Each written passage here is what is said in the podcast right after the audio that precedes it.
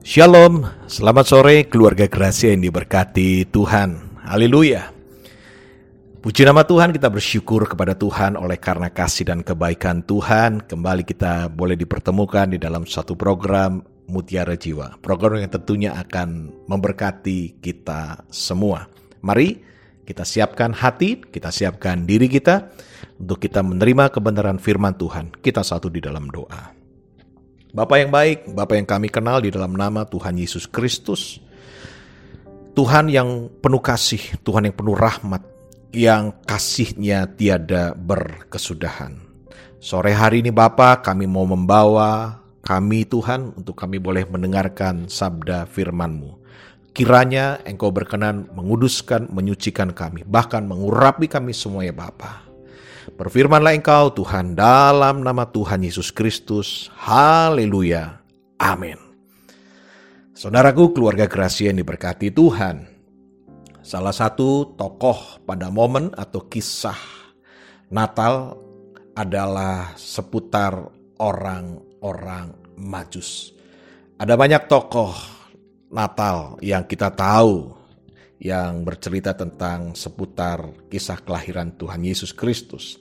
Hari ini kita akan sama-sama belajar dari tokoh yaitu orang-orang Majus.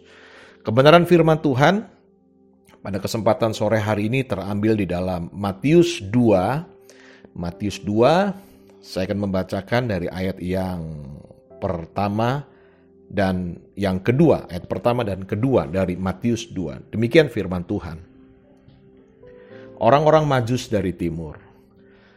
Sesudah Yesus dilahirkan di Bethlehem di tanah Yudea pada zaman Raja Herodes, datanglah orang-orang Majus dari timur ke Yerusalem dan bertanya-tanya, "Di manakah dia, raja orang Yahudi yang baru dilahirkan itu?" Kami telah melihat bintangnya di timur dan kami datang untuk menyembah dia. Amin. Saudaraku, kisah lengkap dari orang Majus ini uh, kita boleh membaca secara lengkap khususnya di dalam Matius 2 ayat 1 sampai dengan yang ke-12. Saudaraku, tokoh Alkitab ini bukanlah figur asing ya, bukan tokoh yang uh, tidak kenal dalam setiap momen-momen uh, ibadah ataupun perayaan Natal. Sewaktu saya masih kecil, saya masih ingat uh, seputar drama singkat atau beberapa orang menyebutnya sebagai sebuah tablo yang menampilkan tentang sekilas uh, tentang kelahiran Tuhan Yesus Kristus. Di mana pada kesempatan uh, drama Natal atau tablo tersebut juga ditampilkan bagaimana orang-orang Majus mengunjungi bayi Yesus. Walaupun kisah orang-orang Majus sebenarnya uh, sedikit berbeda di dalam uh, Matius 2 dicatat juga bahwa para majus atau orang-orang majus itu menemui uh, Yesus di sebuah rumah bukan di palungan. Tapi oleh kasih Tuhan tanpa mengurangi arti daripada kelahiran Tuhan Yesus. Tentunya kita akan melihat bagaimana kita bisa mempelajari bagaimana kisah yang bisa kita ambil uh, sebuah yang baik dari orang-orang majus tersebut. Saudaraku, Alkitab menyebut orang-orang yang mengunjungi bayi Yesus di dalam Matius 2 ayat 1 sampai 12 tadi adalah ditulis sebagai magoi atau bentuk jamak dari magos. Beberapa versi Alkitab menerjemahkan dengan orang-orang bijaksana. Alkitab dalam bahasa Inggris di New King James Version ataupun eh, versi-versi uh, yang lainnya disebut sebagai wise men. Mereka adalah orang sesungguhnya mereka adalah orang-orang yang memiliki kapasitas ya, sebuah pemahaman yang istimewa berdasarkan ilmu perbintangan. Kisah perjalanan orang maju seperti yang tertulis di dalam Matius tadi menginspirasikan uh, saudara dan saya untuk mengalami tuntunan dari Tuhan. Ya, tuntunan dari Tuhan. Ini adalah tema kebenaran firman Tuhan pada sore hari ini adalah tuntunan dari Tuhan. Sebelum lebih jauh kita belajar tentang hidup dalam tuntunan Tuhan, kita harus mengerti terlebih dahulu apa arti kata tuntunan. Saya mencoba mengetik ya uh, kata tuntunan Tuhan di Google, ya khususnya di dalam Google Image atau gambar Google, kemudian ketika saya mengetikkan kata tuntunan Tuhan, lalu yang keluar adalah banyak sekali gambar Tuhan Yesus sedang menggandeng, ya, terutama adalah uh, gambar Tuhan Yesus sedang menggandeng anak kecil. Saya rasa hal ini terjadi karena tentunya ada kaitannya dengan kamus besar bahasa Indonesia yang mengartikan tuntunan dari kata dasar tuntun diartikan adalah berjalan dengan memegang tangan orang lain atau menggandeng. Tetapi pada kesempatan sore hari ini saya sedang tidak berbagi tentang hidup dalam uh, gandengan Tuhan atau hidup digandeng oleh Tuhan, tapi lebih menekankan uh, arti dari yang lain yaitu bagaimana arti tuntunan itu adalah sebuah bimbingan. Ya, tuntunan itu adalah sebuah petunjuk, sebuah pedoman atau sebuah panduan, ya. Lalu hal apa saja yang bisa kita petik, kita bisa pelajari dari kisah orang Majus yang dituntun Tuhan untuk bertemu dengan Sang Mesias, bertemu dengan Sang Juru Selamat.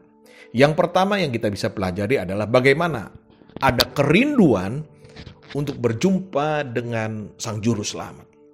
Kerinduan untuk berjumpa dengan Tuhan.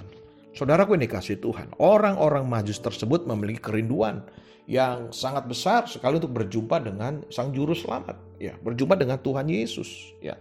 Mereka adalah para bangsawan, mereka adalah orang-orang yang pintar, dikatakan mereka adalah cendikiawan dari timur, saudara kasih Tuhan. Tapi kita boleh melihat bagaimana mereka memiliki kerinduan yang dalam untuk uh, berjumpa dengan Sang Mesias. Ya, ada rasa haus dan lapar untuk berjumpa dengan Tuhan Yesus. Nah, pertanyaannya pada uh, pada kesempatan sore hari ini, bagaimana dengan saudara? Bagaimana dengan kita semua? Apakah hari-hari ini kita masih memiliki kerinduan yang besar untuk senantiasa berjumpa dengan Tuhan Yesus. Melalui persekutuan-persekutuan kita dengan Tuhan, melalui doa-doa kita dengan Tuhan, melalui ibadah-ibadah kita dengan Tuhan. Saudara yang kasih Tuhan, kita pelajari bahwa para orang majus itu dengan sukacita tentunya. Mereka dengan sukarela datang untuk mencari bayi Yesus, untuk datang mencari dan menyembahnya tentunya. Saudaraku ini kasih Tuhan. Inilah yang bisa kita pelajari. Mari, hari-hari ini kita kembali renungkan seberapa besar kita memiliki kerinduan untuk mencari wajah Tuhan, menyembah Tuhan, memuliakan nama Tuhan di dalam kehidupan kita, sone kasih Tuhan.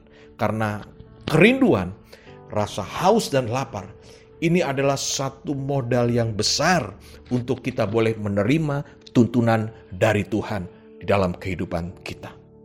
Saudaraku, tahun 2023 yang akan datang banyak sekali komentar-komentar ya yang memprediksikan bahwa akan ada masa kesusahan yang lebih besar lagi tertimbang zaman Covid ya. Krisis global dan sebagainya. Para pengamat ekonomi banyak menyinggung tentang hal itu. Apa yang kita butuhkan? Yang kita butuhkan adalah tuntunan dari Tuhan. Saudara kasih Tuhan, mari. Milikilah perjumpaan pribadi dengan Tuhan. Milikilah perjumpaan pribadi dengan Sang Juru Selamat. Ketika kita memiliki perjumpaan pribadi dengan Sang Juru Selamat, itu akan mengubah cara pandang saudara dan saya dalam memandang kehidupan ini. Ya. Tanpa pertemuan pribadi dengan Sang Juru Selamat, saudara kasih Tuhan, hidup ini tentunya akan diliputi dengan rasa takut, rasa kekhawatiran.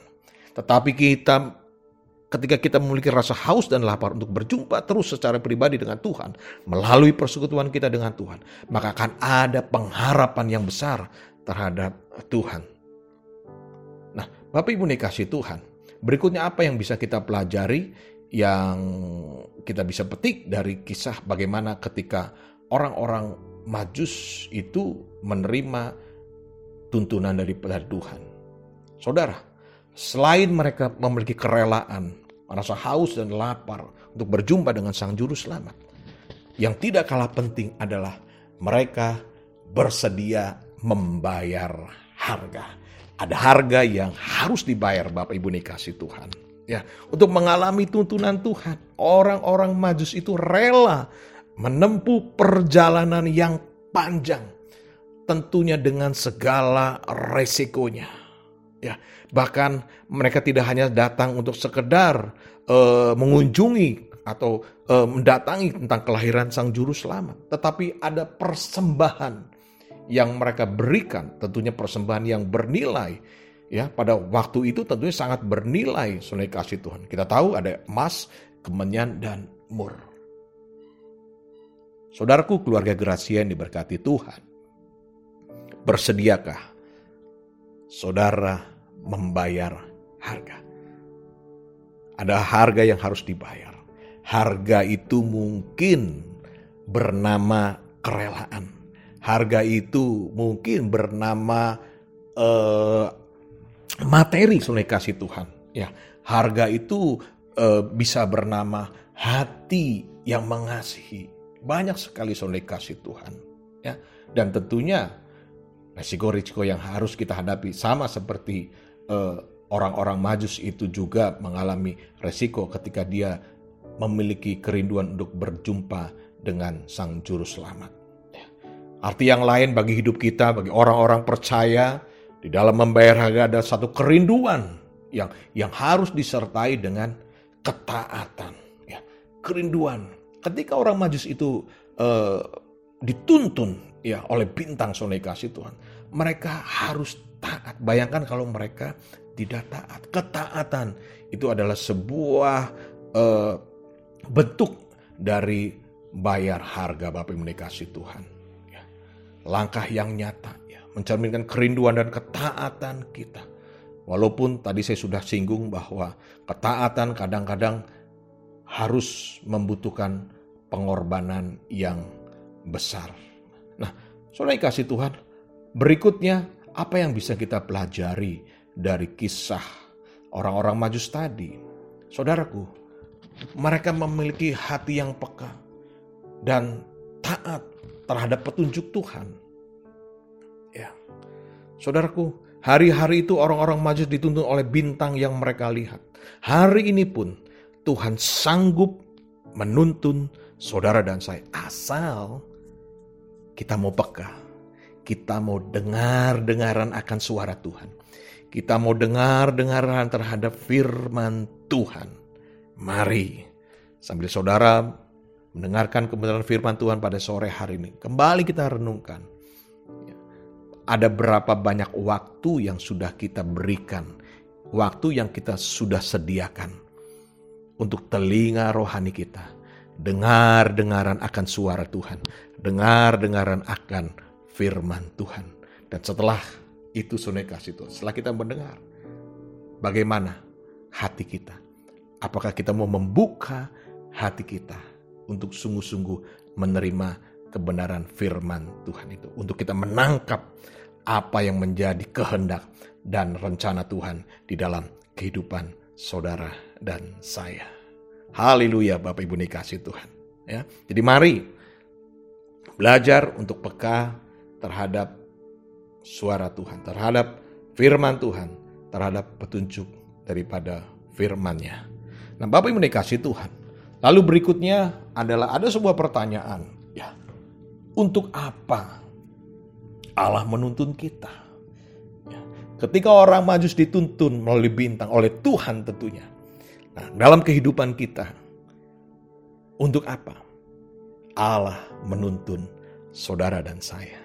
Saudara saya mengutip apa yang tertulis di dalam Kitab Keluaran 3 ayat yang ke-17. Kitab Keluaran 3 ayat yang ke-17, firman Tuhan berkata, Jadi aku telah berfirman, aku akan menuntun kamu keluar dari kesengsaraan di Mesir, menuju ke negeri orang Kanaan, orang Het, orang Amori, orang Feris, orang Hewi, dan orang-orang Yebus, ke suatu negeri yang berlimpah-limpah susu dan madunya. Katakan amin. Haleluya. Jadi Bapak Ibu dikasih Tuhan luar biasa ketika keluaran 3 ayat 17 mengatakan, Aku telah berfirman, aku akan menuntun kamu keluar dari kesengsaraan Mesir. Saudaraku, keluarga Gracia diberkati Tuhan.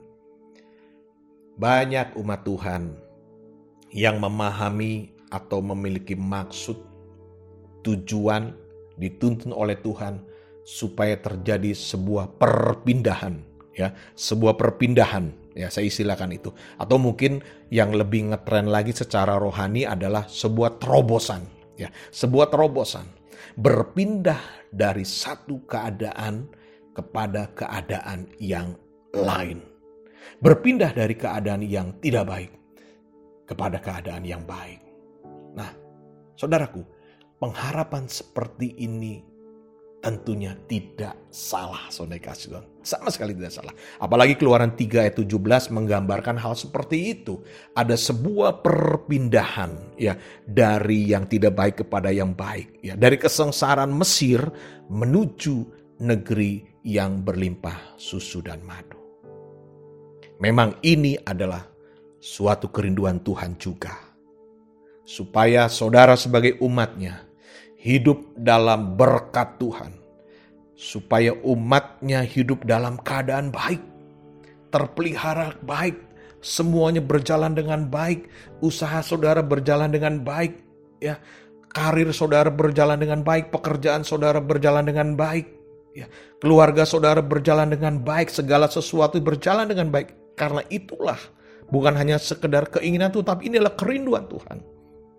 Tetapi yang terpenting hidup dalam tuntunan Tuhan adalah juga untuk mendidik dan mengarahkan kita sebagai orang-orang percaya sampai kepada Bapa, sampai kepada Sang Juru Selamat, sampai kepada kekekalan untuk menjadi serupa dengan gambaran anaknya.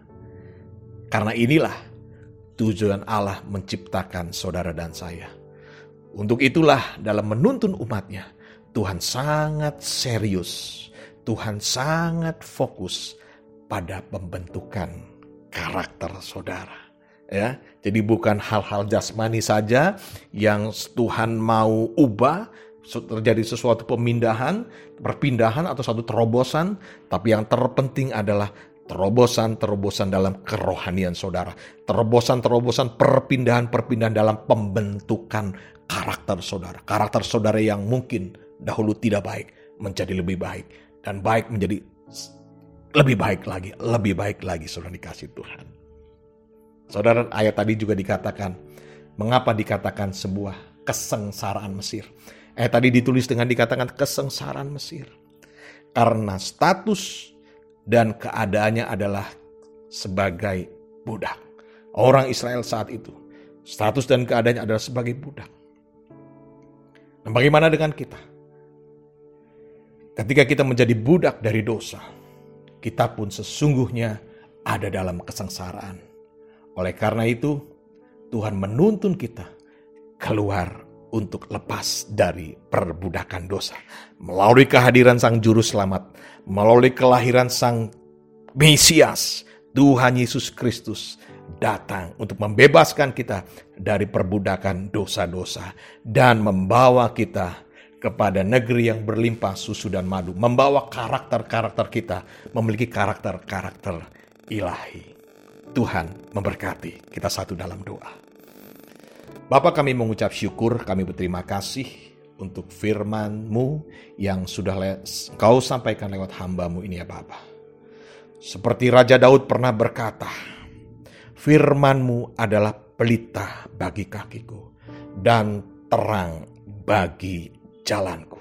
Dan biarlah firman Tuhan ini terus menjadi pelita dan menerangi jalan-jalan kami di dalam tuntunan kehidupan kami sebagai umat Tuhan. Ya Roh Kudus, mampukan kami tidak hanya menjadi pendengar, tetapi mampukan kami untuk menjadi pelaku-pelaku firman Terima kasih Tuhan. Tuhan memberkati para pendengar keluarga Gracia, Tuhan memberkati seluruh staf pengurus dari Radio Suara Kerasia.